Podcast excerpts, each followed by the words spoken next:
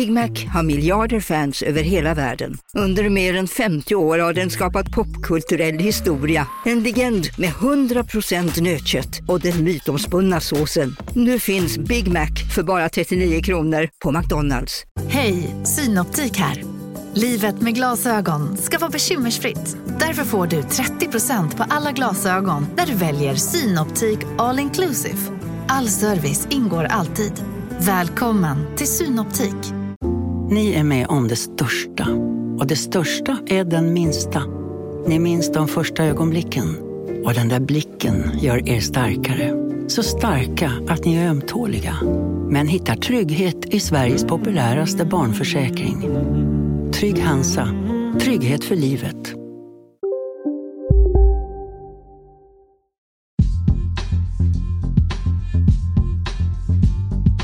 Ja, eh, hjärtligt välkomna till den här pressträffen om coronaviruset och eh, covid-19.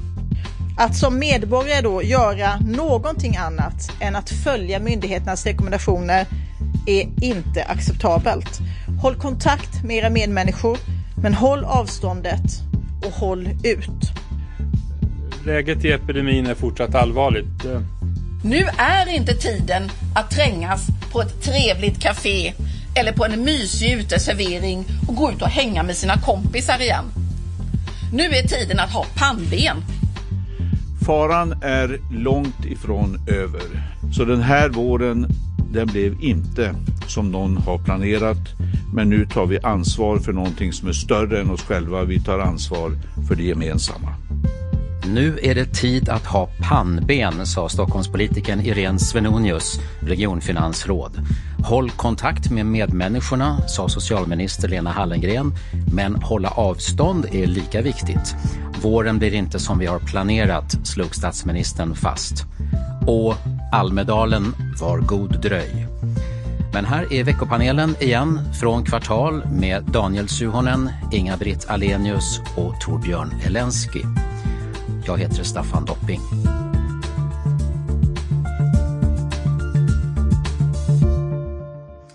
Välkomna till veckopanelen vecka 17, sista coronahelgen i april.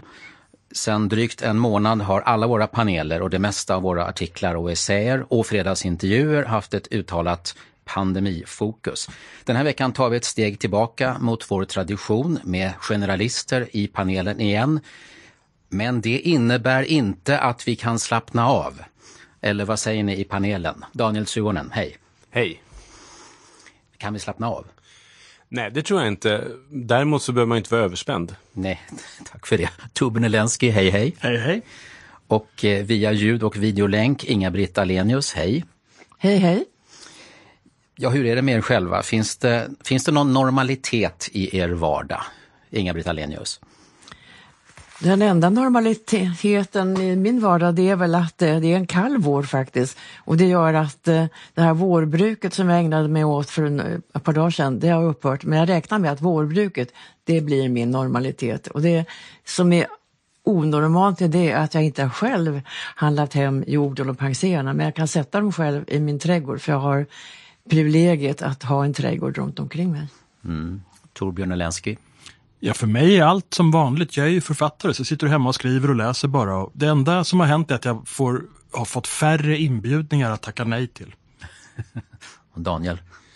Ja, nej men jag har också vanan att, att jobba en del hemifrån, men jag saknar mina kollegor på min tankesmedja väldigt mycket. Vi har Zoom-möten och träffas på olika appar och sådär.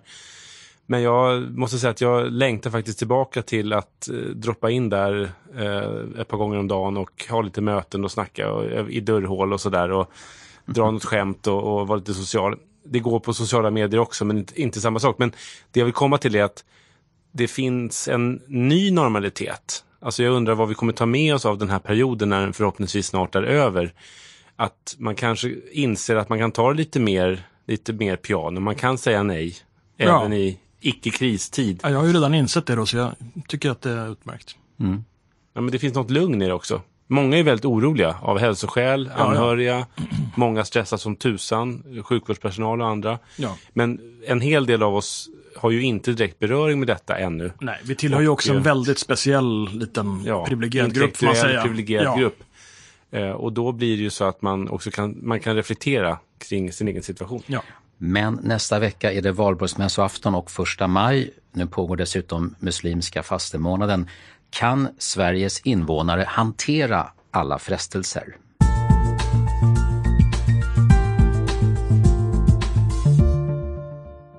Det är inte antalet soltimmar, det är inte temperatur som avgör huruvida vi ska lyssna på myndigheternas råd och rekommendationer eller inte.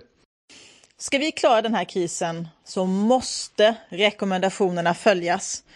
Oavsett vilken samling eller högtid vi talar om.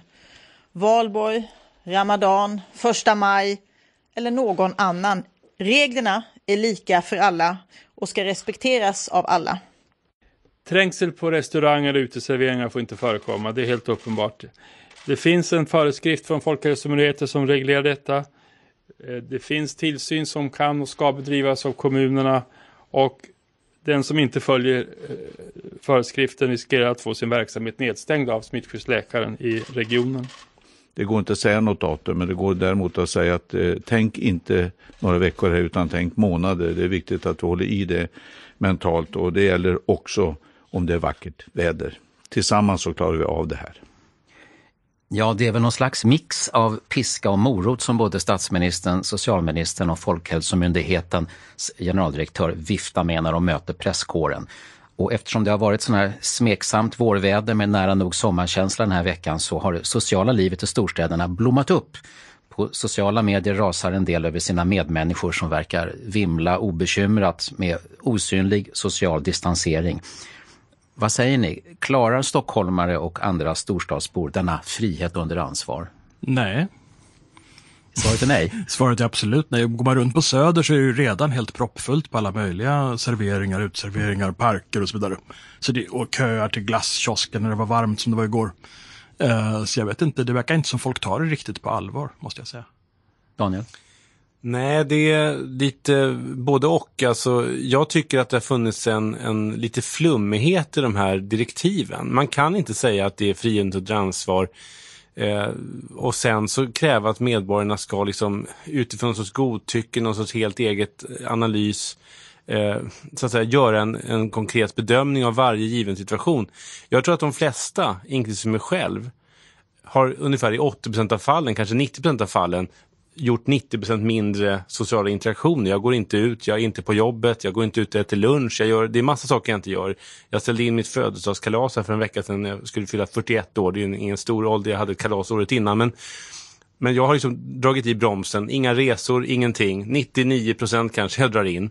Men jag går ju fortfarande och handlar på ICA ja. eller Konsum. Och där är det mycket Och jag folk. har gått ut och tagit en öl med en kompis. Alltså, och det, krogen är öppen. Alltså då måste man få gå dit. Och där blir det på något sätt en, en avvägningsfråga. Och det är klart att när solen då skiner, ja då vill människor gå ut. Och Absolut. då måste myndigheterna gå in och bedöma. Ja, och idag fredag så hölls ännu en pressträff här med inrikesminister Mikael Damberg i spetsen och eh, nu har tonläget eskalerat. Följer man inte regelverket då kommer vi se stängda restauranger eh, och det kommer att komma ganska snart. Så att det det är ett eh, skarpt läge nu eh, och det är, det är dags att följa riktlinjerna och det är dags att ta ansvar. Det, det är ett intressant problem här tror jag som kanske också har att göra med att en del somalier och andra grupper har drabbats. Att det svenska sättet att uttrycka sig på liknar som jag förstår det ostasiatiska. Man säger inte ja och nej rakt upp och ner. Om man går på en intervju och någon svarar, alltså en arbetsintervju och någon svarar ja vi ska titta på det här eller vi ska tänka på saken. Då vet ju alla svenskar att det vanligen betyder nej. En normal människa i de flesta andra länder vet inte det. Och det är lite samma sak med det här. Hur ska man veta att en rekommendation är en regel? Det är det ju inte. Men nu normalt. säger ju Eller? statsministern och även de andra statsråden så här, det här är inga tips, eh, det här är regler. och, det så, är ju inte det. och så hänvisar de till det som brukar kallas för råd och rekommendationer. Ja. Regeln är att man fram till för några veckor sedan fick träffas 500 personer. Ja. Regeln efter det var att man får träffas 50 personer. Däremot ska människor känna att de i sitt hem på en påsk inte får vara tio personer kring ett eh, frukostbord eller middagsbord eller på en balkong eller på en uteservering. Det är ju så att säga mycket, mycket skarp tolkning av en regel, eh, så att säga, eller av en rekommendation. Ja. Regeln är att man på publika sammankomster inte får vara fler än 50 personer, att restaurangen måste så att säga begränsa borden och hur, hur kunderna sitter där. Men det är ju så att säga hela tiden en bedömningssport. Och jag skulle säga så här. Beviset för att det har varit en otydlighet är ju att man måste höja tonläget. Ja, absolut. Hade man inte behövt Exakt. göra det, då hade man ju så att säga, hade man, inte, hade man varit tydligare från början, då hade man inte behövt höja tonläget på det här sättet i något nästan desperation. Absolut. Å andra sidan vill jag bara inflika där att i vissa länder där man har skarpare regler så bryter ju folk mot dem också. Vi såg för några veckor sedan parkerna i London till exempel proppfulla av folk. Precis men, som men om restauranger är stängda så sitter inte folk där och får in mat i alla fall. Nej, inte det, men jag menar... Men, men alltså, i, vi har fortfarande restauranger öppna eh, som, och det är ju i flera länder i vår omvärld så himlar man ju med ögonen då åt Sveriges, i deras ögon, liberala linje som gäller restauranger och uteliv. Samtidigt, ett exempel, så kräver ju SL här i Stockholm att man ska vara samhällsviktig för att ha moralisk rätt att åka med trafikföretaget. Eh, vad säger du Inga-Britt, eh, förstår en majoritet av befolkningen vad, vad, vad myndigheterna menar med alla dessa signaler? Jag är väldigt förtjust i begreppet folkvett, sunt förnuft och att vars, varje människa får använda sitt eget omdöme. Och det har ju varit eh, eh kulturen eller budskapet ända från början. Men jag håller med om att, eh, att formuleringarna till och, och eh, vädjandena till, till enskilda människor har varit eh, kanske vagt formulerat. Vad vi nu är hjälpt av det är dels att äntligen så har regeringen, tycker jag, skärpt upp sin, sitt språkbruk och talat om att nu är det allvar. Nu är det så att ni ska, ska lyssna på de råd som ges och de anvisningar som ges av Folkhälsomyndigheten. Dessutom kommer vi nu att vara hjälpta av att det kommer att vara kallt på valborg det är inte lika kul att sitta ute på, på de här serveringarna under den här kommande veckan som det var igår och i förrgår då man flockades på Söder.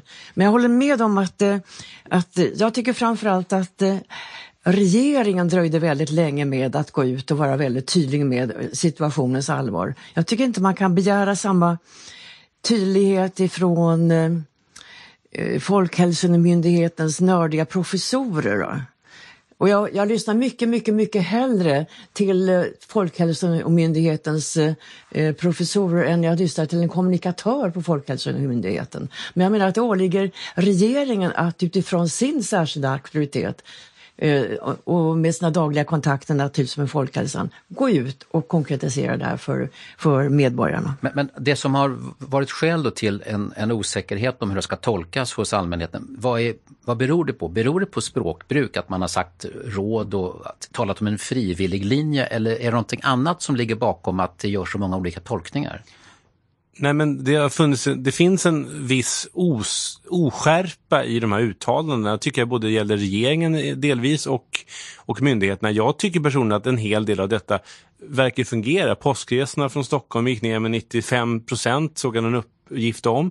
Det är ju otroligt, det är frivillighet. Man avråder, vi uppman och man stängde också en del skidorter och så. Jag åkte, ställde själv in min och liksom min familjs resa över påsken.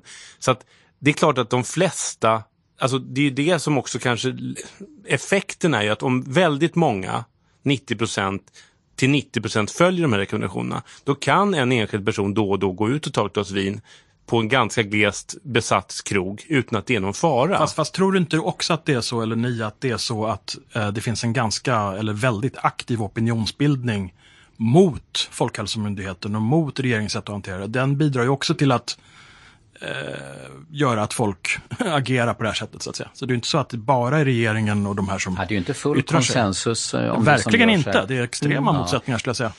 Men det är i alla fall inte som i USA. Där, där Folkhälsomyndighetens, eh, Folkhälsomyndighetens chef, professor Fauci, står på Trumps eh, presskonferenser där Trump dominerar 95 procent av tiden och Fauci utifrån sin professionalitet får ändå eh, tala och eh, eh förorda restriktioner etc. Medan vi här i Sverige faktiskt tror, tror jag då, eller får bevis på att regeringen fattar sina beslut på evidens och på, på en professionell information från myndigheterna. Men sen, sen skulle jag också vilja säga att, eh, att eh, traditionellt så har ju Sverige litat till det här med, med frivillighet och vad man framhåller ofta är ju, är ju den höga, höga graden av vaccination gentemot mässling till exempel. Och eh, om vi jämför oss med Frankrike, där man ska ha polistillstånd för att lämna bostaden och det ska vara undertecknat och det ska vara stämplat. Ett sådant samhälle är ju ett förfärligt samhälle och det fungerar ju uppenbarligen inte heller på lite längre sikt. Men det, men det hänger på att eh, menar jag att regeringen särskilt är tydlig i att skärpa den enskilda människans ansvar i den här krisen och gör det på ett språk som alla förstår. Mm. Den här veckan är seniorprofessorn Wilhelm Agrell gäst i Kvartals fredagsintervju. Han tycker rent allmänt att människor brukar vara dåliga på att upptäcka och värdera hot och risker och eh, även om han inte är allmänt missnöjd med hanteringen av just coronapandemin så är, ger han inte godkänt till Folkhälsomyndighetens kommunikation med medier och allmänhet. Folkhälsomyndigheten har, eller säger åtminstone att de har haft, en strategi. Men den strategin, eller dess bakomliggande övervägande, har ju inte kommunicerats till medborgarna när den ansvariga myndigheten säger att vi bedömer att risken för smittspridning i Sverige är låg. Eh, då utgår man när man hör det ifrån att det där var inte en bedömning av läget igår eller idag. Utan det där har en viss bärighet framåt i tiden, men det hade det kanske inte. Men då hade man ju behövt säga att vi bedömer denna som låg för stunden. Risken för fortsatt smittspridning i Sverige så var den riskbedömningen var väldigt låg från början och sen plötsligt går den upp och så blir den medelhög och sen så fort som attan så är den hög och sen så är fan lös i samhället. Det här ser ju inte bra ut. Alltså det är, här är ingen ordentlig framåtblick i, i eh, eh riskbedömningarna.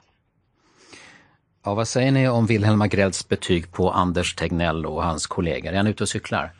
Alltså jag tycker att, ja, jag tycker inte han är ute och cyklar. Jag, eh, däremot så tror jag att det blir ju ett problem med att det är just professorer som pratar och som så att säga fortlöpande utvärderar någonting som pågår. Det är som att kartlägga en, ett vulkanutbrott, ska kartlägga lavan medan den strömmar. Det går ju inte naturligtvis. Så att det skulle kanske egentligen, även om det är fint med de här myndigheterna som eh, deras ställning i Sverige så skulle det vara bra ifall också politiker tog skarpa beslut som de då tydligt kommunicerade och eh, förklarade hur de är underbyggda så att säga. För att jag tror att forskarna inte riktigt, även om jag hellre lyssnar på dem också än på andra, eh, så är de inte riktigt rätt personer att kommunicera den här typen av saker som ska leda till mm. beslut. Liksom. Ja, Inga-Britt? Ja, det håller jag verkligen med om. Vad vi ser här nu det är ju att det är tre statliga myndigheter som är involverade i olika ansvarsområden och dessutom så har vi då den regionala nivån, nämligen sjukvården. Det betyder att kravet på regeringen är ju just att samordna och att vara den som, som kommunicerar eh, budskapen eller erfarenheterna från de här myndigheterna. Och där menar jag att regeringen från början var väldigt otydlig. Men nu har man ju skärpt upp sig så att eh, i sen tid så är man ju väldigt tydlig och klar vad det är som gäller. Men, men jag håller med eh, Torbjörn som säger att eh, det är bra att få lyssna till den här eh, professorn och det är skönt att ha en, en person vars professionalitet man litar på och, och som står där och inte någon mediatränad kommunikatör. Det tycker jag är väldigt viktigt. Sen är det ju å andra sidan så intressant nu att man får ju verkligen se hur omöjligt ett expertstyrt samhälle skulle vara med tanke på hur många olika uppfattningar det finns bland olika epidemiologer och läkare och så vidare. Alltså jag tycker att den här intervjun med eh, eh, Agrell är otroligt njutbar att lyssna på. Han är otroligt eh, kunnig och ja, det är rent liksom njutbart att ta del av det faktiskt. Och jag tycker att det han är inne på, det är att vi i Sverige och i den här krisen inledningsvis på något sätt ut, jag, jag reagerade, jag, jag, är mer positiv faktiskt till myndigheternas ageranden nu än jag var för, säg, fem, sex, sju veckor sedan. Då var jag lite mer Wolodarski i min så att säga, oro, så att säga. Idag är jag nog lite mer positiv, eh, fast jag tror att det här kommer bli ganska fruktansvärt innan det är klart. Men det är som att vi i Sverige och inte minst Folkhälsomyndigheten och Tegnell liksom arbetar utifrån någon sorts best case scenario. Alltså det är precis det Agrell är inne på här. Nej men det, vi ser inte det så vi tänker att det kan inte hända. Medan jag tänkte, herregud vi ser Italien, vi ser Iran, vi ser i Wuhan-provinsen. Det här verkar ju sprida sig som en löpeld om det kommer loss. Ja. Jag är inte på något sätt någon expert eller ens kunnig om detta. Men jag tänkte det här kommer sprida sig. Och det var ju det som hände. Ja, det tänkte jag med faktiskt. Mm. Eh, och Agrell talar ju också i intervjun om allmänt hur den svenska förvaltningen fungerar och när den inte fungerar framförallt. Och det handlar då delvis om att man inte riktigt ser verkligheten som den är, framförallt när någonting inte stämmer överens med det som vi är vana vid. Eh, men också ett slags ovilja att ta ansvar, talar Agrell om. Alltså vi har en preferens för normalitet. Vi sorterar bort det som ligger utanför det det normala och framförallt utanför det rimliga. Det här är förfärligt osannolikt. Det är nog bäst att vi väntar på bekräftelse. Eller någon annan får ta det här. Är det där ett mönster, Inga-Britt Ahlenius, som, som du känner igen från svensk statsförvaltning? Nej, det skulle jag faktiskt inte vilja säga. Jag tror det snarare är, så är det generellt. Att eh, man inte rustad för någonting som man inte riktigt kan föreställa sig. Utan för det tycker jag vi ser exempel på i historien eh, vad gäller alla, alla möjliga eh, katastrofer. Däremot så har han ju rätt i att, eh, att formerna för för ansvarsutkrävande i svensk förvaltning och alldeles särskilt i kommunerna är väldigt svaga. Och det kanske vi kan eh, diskutera i högre utsträckning. Men, eh, men jag håller inte med om att det skulle vara att den här eh, att inte vilja se skulle vara något särskilt utmärkande för svensk förvaltning, det tror jag inte. Det här med ansvarsutkrävande då, samma tema finns ju i en färsk essä på Kvartal som vi just har publicerat av juristen Rickard Sannerholm. Eh, ansvarsutkrävande handlar inte om häxjakt, är rubriken. När journalister mitt under coronakrisen frågar Stefan Löfven och andra makthavare om var ansvaret ligger för det som görs nu och inte görs så blir svaret ibland svävande. Eller så säger man att det är inte tid nu för sånt där, det, där, det, det ska komma sen. Är, är det dålig stil att folk börjar ställa frågor om var ansvaret finns redan nu när vi har kris? Nej, jag, jag, tycker inte det. Jag tycker att det finns en, en, eh, en delegationskultur i Sverige som är att ingen egentligen vill ta ansvar den politiska makten vill gärna säga att det är myndigheter och, och på myndigheter har man inte ämbetsmannaansvar utan man har liksom fått order uppifrån från någon, ja, eftersom regeringen då, ja, det liksom hänger inte ihop på något sätt utan jag tycker, jag tror vi har pratat om det här i, i den här podden tidigare, alltså i Norge till exempel har man ministerstyre, alltså ministern leder delvis departement, alltså myndigheterna, de ligger under departementen på ett aktivt sätt och det finns säkert nackdelar och fördelar med mm. detta. Mm. Men det är klart att i en sån här krissituation, att man inte ens så säga, i ett krisläge så här som inte är ett krig kan gå in och liksom lägga in en annan växel och köra, nu kör vi myndighet, alltså regeringsstyrning av departementen. Då har man ju en tydlig ansvarsutkrävning. Regeringen är folkvald och den är så att säga, den är tydligt känd så att säga. Eh, och det, det tror jag är fördel i kriser, det är tydlighet. Det är ja. lättare att lyssna på någon man vet vem det är. Ja, jag håller bara med om det att i ett sånt här läge speciellt så måste det finnas ett sätt att uh, tydliggöra det hela helt enkelt. Jag tror inte det, det är inte mer än så. Sen i vanliga fall så kan det vara bra att det rullar på med lite på lite annat sätt möjligen. Inga-Britt, vad säger du?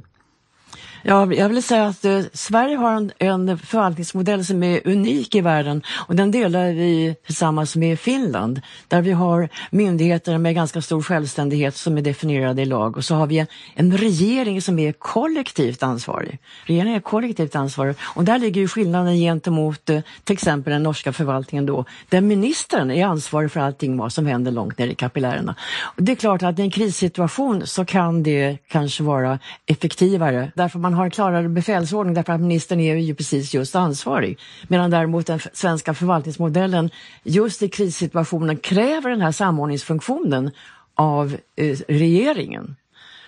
Och den svenska förvaltningsmodellen menar jag fungerar utmärkt. Problemet kan vara att man förstör den lite grann genom att, eh, genom att undergräva myndigheternas självständighet genom politiska utnämningar och då blir det en, en, en suddigare relation mellan, mellan den ansvarig, kollektivt ansvariga regeringen och myndigheterna.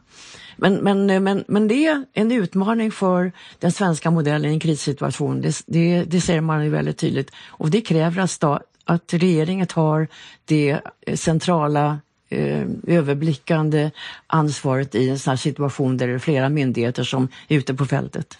Alltså det vi inte ska glömma bort nu, det är så mycket som händer varje dag kring den här frågan. Alltså i början var ju regeringen ganska svävande det, det avspeglar egentligen att de inte heller hade någon juris, de hade ingen makt över väldigt många frågor, sjukvården och så vidare, utan de har ju som ett indirekt eh, liksom rådighet över väldigt många viktiga funktioner i samhället. Och sen dess har man alltså stiftat lagar för att de ska få makt att styra restauranger och krogar och så vidare och andra saker och sjukvård och så. Så att vi har ju faktiskt stiftat nya lagar här på kort tid för att regeringen ska kunna stå på en presskonferens och säga att vi kan stänga krogar. Mm och andra saker. Mm. Jag tycker att det är rätt fascinerande också att se hur de verkligen prövas i realtid nu. De som är så att säga airbags, som är eh, som, som, säger fraser och sånt där bara. Soundbites, de Kallar de för airbags de som... ja, jag kallar dem för det nu, jag kommer inte på vad det hette, soundbites. Nej men de är liksom, de, men de, de som, är, som är bara sådär fluff och luft och Varmluft. retorik. Varmluft, exakt. De eh, försvinner ju väldigt snabbt och de avslöjar sig väldigt snabbt. Den statliga förvaltningen med de statliga myndigheterna, det är en sak. Där har ju regeringen direktivrätt. Men vad Daniel tar upp, det är ju sjukvården och det är ju otroligt intressant. För där sålde ju staten ut sina stora sjukhus på 70-talet och man har delegerat eh, ansvar till regionerna. Och det framträder ju idag hur, hur illa fungerande den modellen är antagligen också i, i fredstid och icke-kristider. Så att i det här fallet så var regeringen tvungna att via en särskild lag, snabbt framtagen i riksdagen, skaffa sig myndighet och auktoritet och fördelningsmekanismer över, över regionerna, nämligen i Socialstyrelsen. Ja, vården var ju på väg in i någon sorts kristillstånd redan innan. Och är det någonting också som är roligt här, förutom att de här soundbite-politikerna spricker i ljuset liksom, så är det också att plötsligt är det läkare, det är professionella personer som sköter vården. Det är inte en massa konstiga mellanchefer och sånt där. Och de är mycket bättre på det. Det har varit väldigt tyst från Boston Consulting Group sen corona mm. kom in i bilden här. De, ja. de fortsätter ja, skicka blufffakturor mm. men de har inte varit så aktiva. Nej men jag tänker på en sak, att det som någonstans... Blufffakturor, det var ett ganska hårt ord. Ja okej, okay. luft. Men det var ju liksom, var det inte 750 fakturor för tjänster som inte hade utförts? Det var väl någonting sånt där. Eh, det var lite oklart vad de, vad de handlade om, men det var i alla fall något ramavtal de hade med landstinget.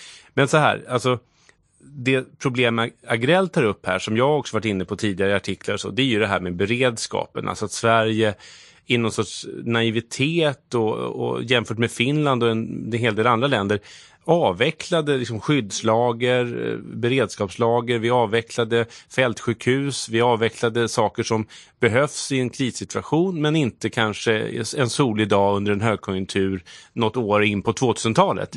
Eh, och så plötsligt behövs det igen varianter av detta. Och där tror jag att vi aldrig kommer gå tillbaka. Jag tror att det här kommer bli liksom ett uppvaknande, i alla fall 50-60 år framåt, att vi förstår att även under högkonjunktur, fredstid, Putin pensionerar ja. sig och det blir demokrati där. Även då måste vi ha någon form av marginaler i samhället. Och är det någonstans det har varit ett svek, och här tycker jag det finns ett annat drag i Sverige i det offentliga livet, att man pratar på ett sätt som inte har någon som helst bäring på verkligheten. Och det är detta, vi ska vårda och värna de gamla och sjuka och svaga. Ja, och så görs ingenting. Nej, men det är också en retor retoriskt fluff. Liksom. Det är retoriskt fluff mm. att, kring äldreboendena. De får liksom inte handsprit, de har inte skyddsutrustning. Ingen har någon som helst tanke. Jag, tror, jag vet att människor som jobbar där har naturligtvis gjort så gott de kan. Massa chefer och, och personal och så har gjort allt de kan för att det ska bli så bra som möjligt. Det är inte där ansvaret ligger. Utan att det saknas liksom redskap, beredskap. Man säger en sak, statsministern säger en sak i tv. Han säger i radio, han säger på presskonferenser. Måste skydda de äldre. Och sen går man hem. Mm. Och ingen har skyddat någon gammal. Och det är ju obenhörligen så att är du timanställd i åldringsvården, då kan du inte stanna hemma om du är lite småkrasslig för då förlorar du pengar. Och du är antagligen bor antagligen, jag vill inte vara fördomsfull, men antagligen inte i innerstan utan måste troligen åka pendeltåg eller tunnelbana. Och där blir den här grejen som Staffan tog upp här tidigare. SL uppmanar människor att inte åka SL. Ja. Men vad ska de göra då? Man är så illa tvungen att göra det. Samhällsviktigt ska det vara. Ja, men alltså väldigt många av de, de flesta då eh, arbetarklasspersoner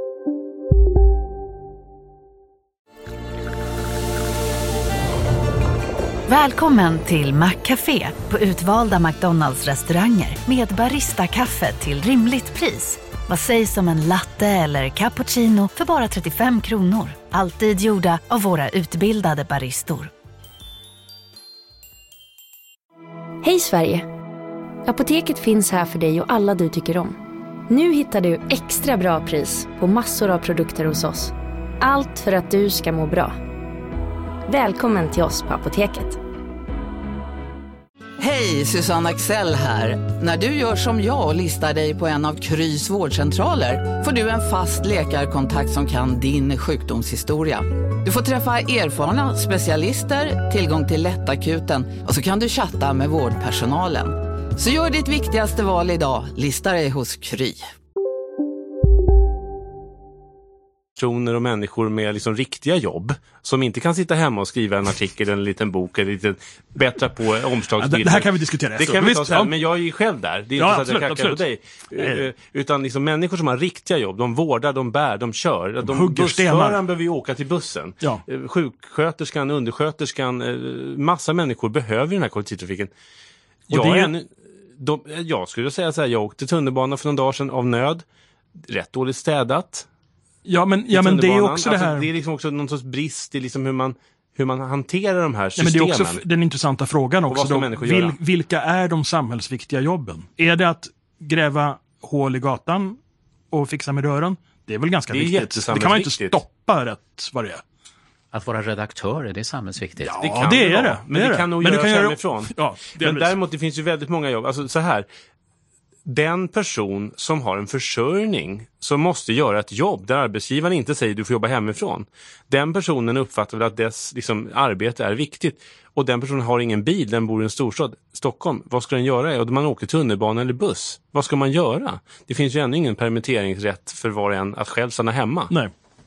Jag tycker att äldreomsorgen pekar ju väldigt tydligt på, på frågan när det gäller ansvarsfördelning. För när det gäller äldreomsorgen ser ju regeringen inte ansvar utan det ansvaret ligger på kommunerna. Och vad som händer i äldreomsorgen det är ju att eh, visserligen har man från centralt håll sagt då att man ska skydda de, de, de, eh, de äldsta och de svagaste.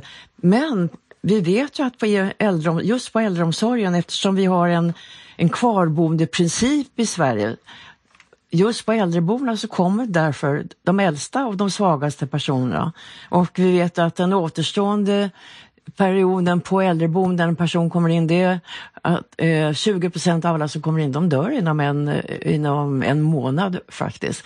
Och inte nog med det att vi har de sköraste personerna där, utan man kommer, man kommer också in, smitta i en dysfunktionell organisation med alla de här timanställda som i sin tur är särskilt utsatta för smitta av alla möjliga olika skäl. Det är alltså liksom dubbelattack på de eh, personerna i äldreomsorgen. Nej, men jag gick förbi, på Ringvägen i Stockholm ligger eh, nära Skanstull ett antal hus som är äldreboenden. Och där var det en av de här soliga dagarna den här veckan. Och där, alltså tio på morgonen, så satt eh, ett hundratal 80-plussare på sina rullatorer. Alltid. Rökte sig och flera av dem kom dessutom gående från affären där de ensamma hade handlat. Och då tänker jag så här, okej, vad har den här krisen den har pågått några veckor, snart månader. Att man inte har löst alltså handlingen till 80-plussare. Det tycker jag, på ett äldreboende, det tycker jag är mycket märkligt. Då undrar jag, vad innebär det då i att vi ska skydda de gamla? Fast det kan ju också vara så att de faktiskt vill gå till affären. Ja. Så att, eh, Hörrni, och sen vi- vill de ha en respiratorplats. Vi går över till en annan del av samhällslivet eh, som spelar roll för att Sverige överhuvudtaget ska gå runt.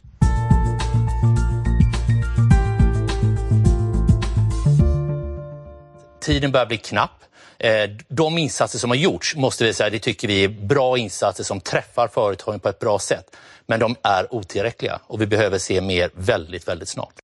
Vi har ju som sagt gjort eh, extraordinära insatser och många eh, extra ändringsbudgetar. Men jag skulle säga att vi inte har gjort den sista utan vi kommer att behöva göra fler insatser. I Aktuellt i onsdags var Svenskt Näringslivs Jan-Olof Jacke och finansmarknadsminister Per Bolund med och eh, Svenskt Näringsliv vill ha mer ekonomisk hjälp snabbt till svenska företag som blöder just nu. Per Bolund sa inte nej men ansåg att regeringen redan har gjort enorma insatser och det som bland annat ligger på bordet nu är ett förslag om ett omsättningsstöd till företag som har förlorat en stor del av sin omsättning och inspirationen kommer från Danmark och Norge. Liberalerna är med på den här tanken och Centerns Anders W Jonsson säger att det som behövs nu är cash i kassan. Ja, har regeringen gjort nog nu för näringslivet eller ska plånboken öppnas igen, Torbjörn? Ja, alltså jag kan faktiskt inte avgöra det måste jag säga. Jag tror ju inte att man har uh, gjort nog rent uh, intuitivt. Men sen är frågan, det är ju inte bara näringslivet, det är ju massa privatpersoner som får sin ekonomi fullkomligt skjuten i sank också. Det gör också, men eh, Moderaterna har ju ansett att det är väldigt, väldigt bråttom. Det är nu i april och i maj som, Ja. som är kritiska månader Men det är det nog. enligt Moderaterna. Medan ja, men Centern till exempel säger att nej, men det är ett halvår, det är inte alls bara nu utan det är uthållighet och så vidare. Men det kan nästan låta som att det gungar lite grann under jan- jan- januariöverenskommelsen. Vad säger Daniel? Nej, men eh, jag vill att lyssnarna eh, verkligen eh, pillar till öronen nu, för att nu kommer någonting lite ovanligt här. Jag kommer nämligen säga att jag håller med Moderaterna och Svenskt Näringsliv. Jag är liksom känd som vänstersocialdemokrat och liksom Ja. mycket radikal. Jag sitter till vänster om Staffan Dopping här i- vid sändningen. Men det är faktiskt så att, och här känner jag verkligen liksom allvarets stund alltså. Jag vill ha jämlikhet och jag är inte stor anhängare av stora vinster och jag tycker inte normalt sett synd om kapitalister. Men det här samhället vi har, som är ett ganska gott samhälle, det vilar på att vi har företag. De här privatpersonerna som blir arbetslösa. Finansministern går ut idag och säger att vi närmar oss nu worst case scenario, 13,5 procents arbetslöshet. Det kan ju bli ännu mer. Eh, Det kommer bli mer. Det kommer bli mer. Alltså- Plus att de papperslösa inte ens räknas. de räknas inte. Det är massa grupper som liksom, så. Men alltså, man närmar sig worst case scenario. Det måste ju fi- alltså individer, enskilda personer kan få a-kassa, a-kassan kan höjas, taken kan höjas, man kan justera det. Det är liksom ett stöd till individer. Men företag och i någon mening också kulturinstitutioner så, det är ju strukturer, mycket avancerade strukturer, som måste på något sätt överbryggas. Det är klart att en del företag kanske inte bar sig innan, de kan inte heller räddas. Men jag är livrädd för att Magdalena Andersson och regeringen sitter fast i någon sorts 90-talstänkande, man ska spara i ladan. Och hon säger så här flera gånger, vilket jag blir väldigt upprörd över, fast jag är socialdemokrat själv. Vi har sparat så mycket nu under några år, så nu kan vi hjälpa människor. Nu kan vi eventuellt göra någonting för de sjuka och arbetslösa. Men herregud, skulle vi inte gjort det om vi hade haft lite högre statsskuld? Vi har Europas nästan lägsta statsskuld. Vi har hur mycket resurser som helst att under en period rädda företag. Och skulle vi när vi har kommit ut ur coronan bli attackerade av ett främmande land och vi hamnar i krig, ja då ska vi lösa det också. För det är det ett samhälle gör. Man kan låna, man kan, Riksbanken Ja. kan göra som i Storbritannien och trycka pengar. Alltså, det går att göra saker. Men jag är rädd att Socialdemokraterna har någon sorts snålhetsreflex eh, här. Ja, som faktiskt riskerar att på kort sikt verkligen skada Kan, företag kan det inte vara ett, en vilja att ta ansvar som är skälet, även om du tycker det är felaktigt? Är det, är det är snålhet? Är det liksom en attityd Nej, som men är problemet? om denna, menar jag menar, ta ansvar är ju en god sak. Snålhet är ju, så att säga, eh, är ju, kan ju vara att man så att säga, inte kastar ut onödiga pengar. Den här regeringen har ju just nu sänkt, eh, social, tagit bort socialavgifterna, alltså arbetsgivaravgifterna, för ICA-handlare och för företag som går bra. Men man håller igen på stöd till företag som går dåligt. Ja. Så att det är ju väldigt mycket dåliga åtgärder i de här krismiljarderna också. Sen tror jag, tror jag att det är väldigt många som jobbar i sådana lite vagare typer av yrken. Väldigt många, jag känner oproportionerligt många konstnärer, tonsättare, författare och sånt. Alla de som lever av att uppträda, av att hålla föreläsningar och sånt, alla de gick in i akut ekonomisk kris redan för någon månad sedan. Och även om de hade en buffert, liksom, det går åt rätt fort. Inga-Britt Ahlenius, vad säger du om Ja, jag omsättningsstöd? Jag håller i hög grad eh, med Daniel och jag tror också att det här omsättningsstödet har fördelen att vara väldigt enkelt. Att man maximerar antalet miljoner som kan gå in i varje företag. Och jag tycker också att när man ger sådant stöd så ska man ställa vissa villkor. Och ett villkor tycker jag att man ska återinföra kravet på auktoriserad revisor i Ja. alla de här små företagen. Det slopades av, ja, på centerförslag tror jag för ett antal år sedan. Och man ska också eh, höja beloppet för att eh, bilda aktiebolag. Man ska skaffa sig större kontroll eller, eller eh, ställa högre krav på de som, som startar företag och på de som driver, driver företag. Och eh, sen tycker jag också att eh, regeringen gott kan gå in som ägare mm i de stora företagen som kan komma att behöva stöd för att sen gå ur när krisen är över. Men omsättningsstöd, maximerat belopp med vissa krav, det tror jag är väldigt bra för jag tror att det är viktigt att gå in tidigt i krisen. Det tror jag också var lärdomen från finanskrisen. Jag tror, det med auktoriserad revisor och den typen av regler är extremt viktiga. Jag skulle tillägga att jag tror att man måste vara mycket noga efteråt när det lugnar sig lite, förhoppningsvis en dag, med att följa upp och kontrollera. Och jag tycker att det ska faktiskt ska vara hårdare straff. Riktigt kännbara, hårda straff för de som missbrukar de här systemen, som ljuger och skarvar för att till exempel få pengar för personal de har permitterat samtidigt som personalen då arbetar och så vidare. För sådana saker kan nog förekomma tror jag.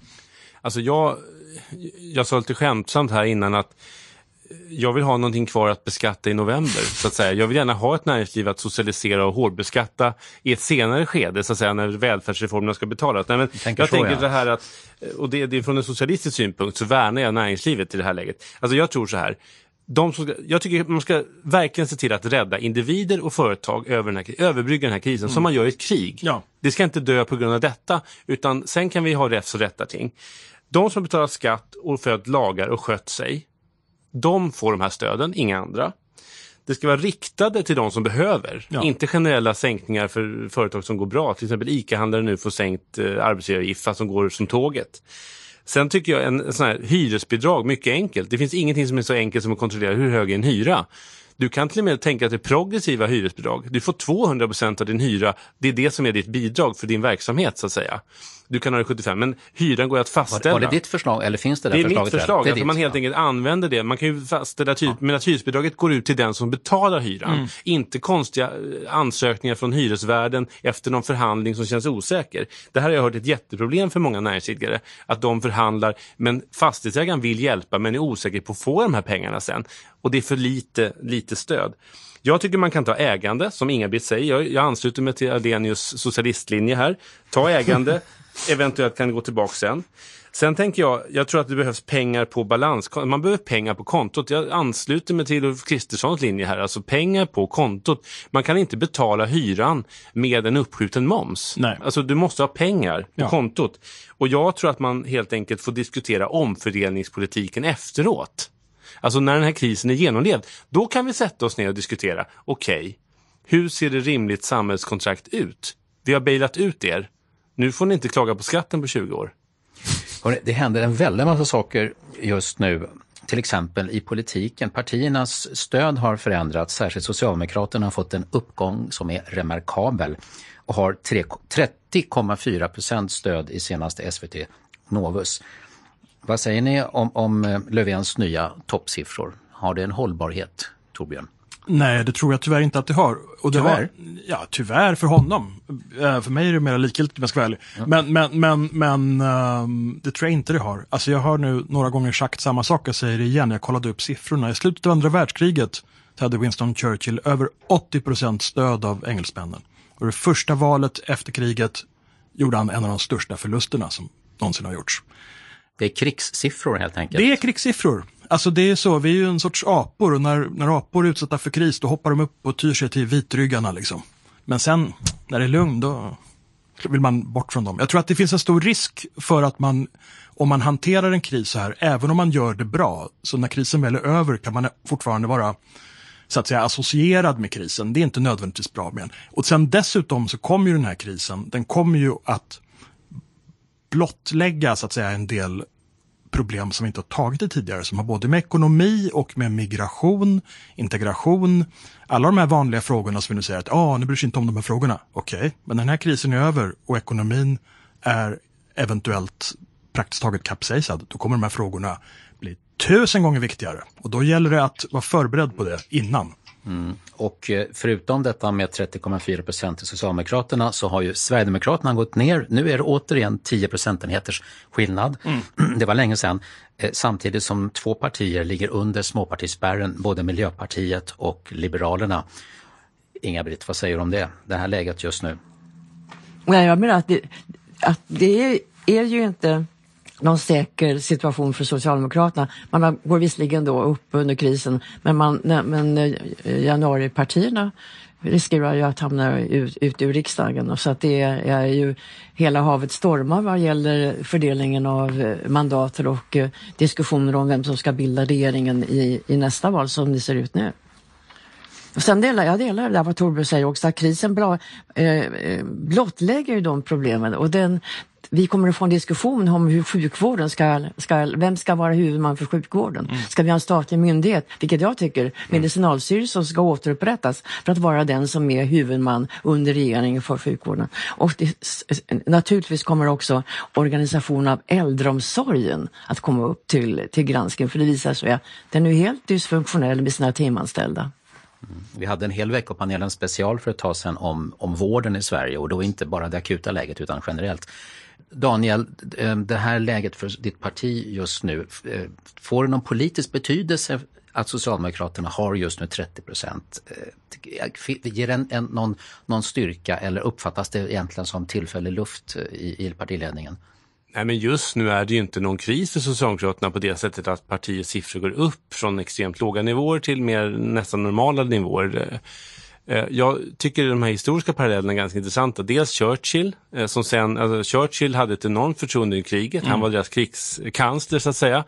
Men sen när, när kriget var slut, då ville miljoner britter som varit inblandade i detta krig ha ett annat samhälle. Då röstade man på Labour och Attlee fick bilda sin regering som gav dem sjukvård och så vidare. Ja. Och i Sverige hade ju Per Albin Hansson socialdemokrater över 53 procent i något val eh, under andra världskriget. Men efter kriget så röstade 12 procent på kommunisterna därför att man ville ha ännu mer jämlikhet än det Per Albin då så att ganska försiktigt kanske lovade. Men de gjorde ju stordåd ändå. Alltså jag tror att det som jag är opinionsbildare, jag tänker ganska mycket på så att säga, vad det här ska leda till och så. Man har ju tid när man inte ska ut och föreläsa längre. Eh, och då tänker jag så här att jag tror att krisen måste överlevas och det görs just nu. Sen kommer domen av denna kris handla om vilket samhälle vill vi ha efter krisen? Alltså vad är analysen, hur ska vi ta oss ur detta? Fast man måste tänka på det redan nu.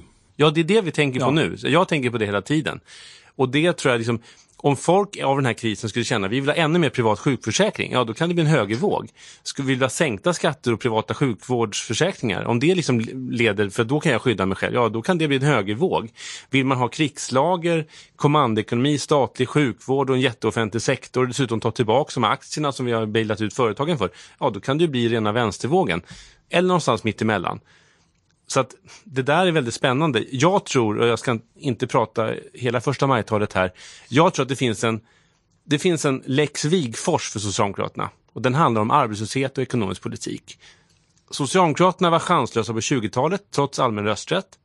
32 vinner man valet på att fixa jobb och sätta igång ekonomin. Det ger Socialdemokraterna en maktövertag på alla andra partier fram till 90-talet. Mm när man överger Wigfors ekonomiska politik med keynesianska inslag. Nu närmar man sig en arbetslöshet som är högre än på 90-talet. Nu närmar vi en, en arbetslöshet som är högre än på efter finanskrisen. Magdalena Andersson tycker vi ska spara oss i princip ur den krisen. Finansplanen nu för någon vecka sedan innebär att vi fortsätter betala av på statsskulden fast vi väntar ett år med det. Men vänta, det är flera hundra miljarder kronor ja, men det som är på väg vi har alltså, i... Förra mandatperioden betalade vi av nästan 400 miljarder på statsskulden. Alltså vi har, alltså årets krispaket förutom det Riksbanken håller på med, har hittills i princip inte varit större än förra årets avbetalning på statsskulden. Det är för små krispaket. Mm. Om Socialdemokraterna låter arbetslösheten skena, kommunerna inte klarar välfärden, som SKR klagade på i veckan, ja då kommer det bli en dom över en socialdemokrati som låter välfärden, om man låter välfärden fallera och arbetslösheten skena och dessutom har misslyckats med krisen. Idag säger Magdalena Andersson, hon säger att jag hade rätt för tre veckor sedan, nämligen att krisen är djupare än hon tror. Ja. Inga-Britt? Jag tänker säga att det, är, det är många som kanske kan se uh, lösningar efter krisen. Å ena sidan den falang som ser att staten måste få en tydligare roll. Å andra sidan att det, det finns andra intressen. Sen har vi också, ska vi säga, miljö och klimatsidan som ju anar möjligheterna till en mycket snabb omställning efter den här krisen. Det som eh, framförallt för Lena Andersson varnade för i en, i en kolumn i Dagens Nyheter att låt nu inte de här utopisterna vara, vara grund för hur man ska Eh, formar det framtida samhället. I en artikel i DN också för någon vecka sedan så intervjuade man en, ett sådär, ska vi säga, romantiskt kollektiv som har dragit sig tillbaka från arbetslivet och som ser att åh vilken chans vi har nu att fånga upp alla som inte får jobb i Volvo i, i livsmedelssektorn, i, i jordbruket. Ja. Och eh, lite självhushåll. Visserligen kommer skatterna att minska men då får man ju organisera om välfärden säger man. Otroligt naivt. Va? Så vi har också den falangen som man måste ta. Va? Men det kommer att att bli en intressant eh, diskussion. diskussion var det 2020, eller 2022 kommer att bli spännande. Eh, och en intressant detalj i det här också, det är inte bara staten vi talar om utan det är nationalstaten. Ett, någonting som väldigt många har påstått var dött och förbi men som uppenbarligen är viktigt. Det är svenska flaggor på varenda bild här. Jag läste apropå det en artikel i Corriere della Sera, italienska tidningen, idag. Imorgon är det 75 år sedan Italien befriades från nazisterna. Eh, Corriere della Sera delar då den här veckan ut italienska flaggor som man får på köpet med tidningen. De mm. hade en lång jäkla artikel som handlade om vår speciella kultur. Vi har mer konst än alla andra länder och så. Det är, det är ganska intressant tycker jag. Det, så här låter det på många, många håll. Mm. Ja, eh, det är många evenemang som blir inställda eller senare lagda på grund av pandemin, inklusive den där unika mötesplatsen på en ö i Östersjön drygt en vecka efter midsommar varje år. Just nu är det stormar inom, inombords. Eh, det är väldigt mycket känslor. Eh, samtidigt så finns det ju en realism i det hela som visar att det, det är ogörbart att genomföra Almedalsveckan 2020 projektledaren Mia Sture med, med stockad hals där, intervjuad av SVT. Ja, vad händer med Almedalsveckan? Numera känns det som den alltid har funnits och så plötsligt så finns den inte, i alla fall inte i år. Jag har aldrig varit där så att jag har ingen, ingen känsla för det. Du är någonting. oskuld i fråga om Almedalsveckan. Ja, jag har bara fått en känsla att det är säkert jätteintressant och jättebra men jag har också alltid tyckt att det verkar lite osunt med det här jäkla minglandet och att folk satsar alldeles för mycket, inte minst kommuner och sånt där, satsar alldeles för mycket pengar på att åka dit och tro att de ska synas. Jag erkänner att jag inte alldeles opartisk i frågan om Almedalsveckan. Eh, transparens, jag har varit där många år i olika roller och till och med tjänat en del pengar också. Jag tycker nog att den är viktig mm. eh, och att den inte i, och att det finns en absolut viktig offentlig samtalsaspekt på det hela och att det är en demokratisk mötesplats och att den dessutom är en del av det som är speciellt för Sverige mm. faktiskt. Eh, vad säger Inga-Britt om Almedalsveckan som inte blir av i år? Jag tror att den här pausen kommer att vara väldigt nyttig för att, eh, för att ompröva hur man, hur man arrangerar Almedalsveckan i fortsättningen. För jag hoppas att de ska fortsätta. Men jag tycker faktiskt att de har gått lite överstyr de sista tre, fyra, fem åren. Alltså, otroliga ambitioner och det är tusentals seminarier och eh, eh, tiotusentals människor som flockas och dessutom så, har, så sker det ju en en eh, ska säga, profitering på, på, eh, i, i Visby så, så tillvida att, eh, att ett, ett eh, hyresrum i Visby under en vecka kostar hur mycket som helst. Alltså en kommersialisering av verksamheten som har varit osund. Men jag hoppas att den återuppstår, men att man gör det efter att ha hunnit tänka efter det här, under det här året. Daniel? Jag tänker att det är med Almedalsveckan som är en ros jag hade på min tomt den var väldigt vacker och röd och blommade fantastiskt. Men sen blev det allt mer skorv och ohyra på den så att jag blev beordrad att helt enkelt skära ner den nästan ner till roten så att den kan spira på nytt. Jag tror precis att det är så med Almedalsveckan. Det har blivit för mycket, för mycket lobbyister, för mycket champagne och för, mycket, för lite politik. Liksom. Man är nästan ensam där som håller på med politik och så är det massa kommunala tjänstemän där. Jag har ju tidigare haft ett reformförslag för Almedalsveckan. Dels att flytta den till veckan efter midsommar nu ligger den egentligen mitt i där man vill vara semesterledig. Det är helt absurt. Det är bara för att Gotland vill ha, det passar bra i deras liksom, hotellplanering. Men flytta till vecka 26, kortare till fyra dagar, måndag till torsdag, två partier per dag och på torsdagskvällen ja. avslutar man med en partiledardebatt. Men du, det, det har ju visat sig hittills vara omöjligt att, för partierna på Gotland älskar att ha hela dagen för sig själv. De vill inte dela med någon annan och de har ju hittills varit väldigt starka. Det är liksom det. Men finns det möjligt, tror du Daniel, att, att just den här ja, det blir ju, det är ju ett slags kris att den inte genomförs egentligen 2020. Att det kan rucka på de där låsta positionerna. Jag tror det. Alltså, vi har ju väldigt många partier. Det var ju fyra, fem partier från början och nu är det ju, ja, från början var det ju bara Socialdemokraterna, det var ju Olof Palme som åkte dit och pratade. När det var ordning var det bara ett parti. Nej, men det fanns ju fler partier trots allt. Eh, och sen fick de också vara på Almedalen. Det är ändå Socialdemokratin ett öppet parti, stor, en bred kyrka så att säga, där även andra partier får vara. Eh, men det var ju få partier, det var väl fyra, fem, sex dagar. Nu är det ju så att säga mer än en vecka. Och de, flera partier har ju då väldigt oattraktiva slottar. Alltså flera år i rad har de då fredagen, lördagen, söndagen. Medan det kanske är måndagen, tisdagen, onsdagen, torsdagen som är det attraktiva. Och jag men det är lika att, för alla, det rullar ju runt ja, det där. men så att, vad är, alltså, att det är väl bättre att ha ett lunchtal, eh, liksom att man rullar på fyra, fem dagar istället för att man, att man sitter där och kör inför ingen publik. Kan du tänka dig Torbjörn att komma till Almedalsveckan om, om det ändras i enlighet med, med Alltså, jag Daniels kan tänka mig att komma även om den är som nu, men jag menar jag får ju behålla min skepsis eller möjligen bli övertygad i så fall. Jag förstår inte heller egentligen, alltså, men det här är också en mycket större fråga. Det här med partiernas roll är ganska intressant. Varför skulle man inte istället kunna ha ett ämne per dag eller något annat och så får partierna inordna sig i det? Och där vill Till jag, exempel. Där har jag faktiskt en, en, en sakupplysning. Jag var för ett par år sedan inbjuden till den norska varianten, eh, som jag just nu inte kommer ihåg. Arendalsuke. Arendalsuke. Som är Det heter ju nästan Almedal också, det är Ja, det. Arendalsuke. Och den är på höstkanten, i, i mitten på augusti, någonting sånt där, efter semestern. Precis samma sak. Oerhört vackert ställe. Där har de en partiledardebatt. Och där är det så att säga, det, det känns som att det är mer som bokmässan. Mm. Att det är mer centralt program. Och det är att alltså partiledarna går snarare runt, det är inte partiernas dagar utan partierna har seminarier och sen är det en partiledardebatt. Ja, för poängen med demokrati måste ju vara att idéer bryts mot varandra och att man möts Inte kring att idéer. har en egen dag Nej, och att precis. Och För då blir det bara ballonger av allting Ja. och champagne. Ja, vi närmar oss avslutningen på denna veckopanelen som inte är special men har lite coronaprägel ändå tycker jag. Vi håller distansen här. Eh, Har ni något eh, veckans ord eller person eh, att leverera? Nej, men jag har en efterlysning. Eh, Ulf Kristersson verkar ha försvunnit efter påskledigheten. Jag har inte sett honom på jättelänge. Så att han kan väl göra något utspel nästa vecka så att vi vet att han är kvar. Inga-Britt? Ja, när jag funderade på eh, veckans person så tänkte jag faktiskt på professor Fauci, alltså USAs motsvarighet till, till vår egen Tegnell. Där han står eh, vid de dagliga presskonferenserna som då Trump verkligen driver. Och där står lille Fauci som är 20 centimeter eh, kortare än, än eh, än Trump och försöker professionalisera och nyansera debatten samtidigt som han blir, mo- får mothugg på Trumps Twitter. Och samtidigt som Trumps egen position också med- medför att eh, det finns talkörer över hela USA där man ropar “Fire Fauci”. Jag tycker han är en, en modig man i 80-årsåldern som har suttit i några decennier som chef för den här smittskyddsmyndigheten. Jag har, kom faktiskt på ett ord precis nu. Jag tycker veckans ord eh, är allvar.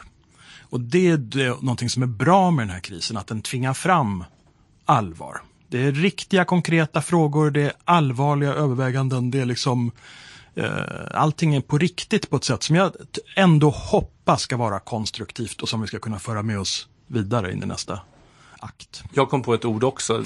Vi vitaliseras under sändning här. Ja. Och veckans ord är väl pannben. En del tycker att det är viktigt, moderatpolitiker i Stockholms region tycker att det är viktigt att pannbenet är tjockt. Andra tycker att det är viktigare att det finns något innanför pannbenet. Jag trodde tjockskallig betydde något helt annat måste jag säga personligen, men visst.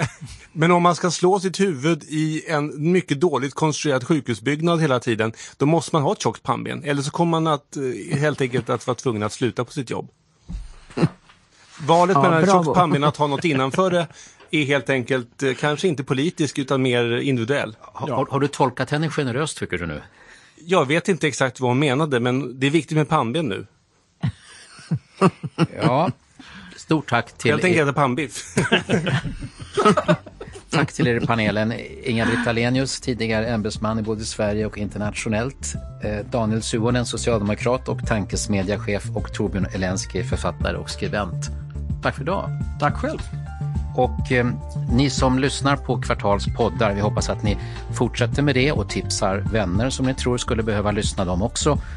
Och kika in på vårt illustra utbud av essäer och analyser på kvartal.se. Och när ni har lyssnat, när ni har läst och tagit till er av det här, ja, då är det ju tid för er att, ja, det vet ni ju själva, eller hur? Tack för idag och trevlig helg.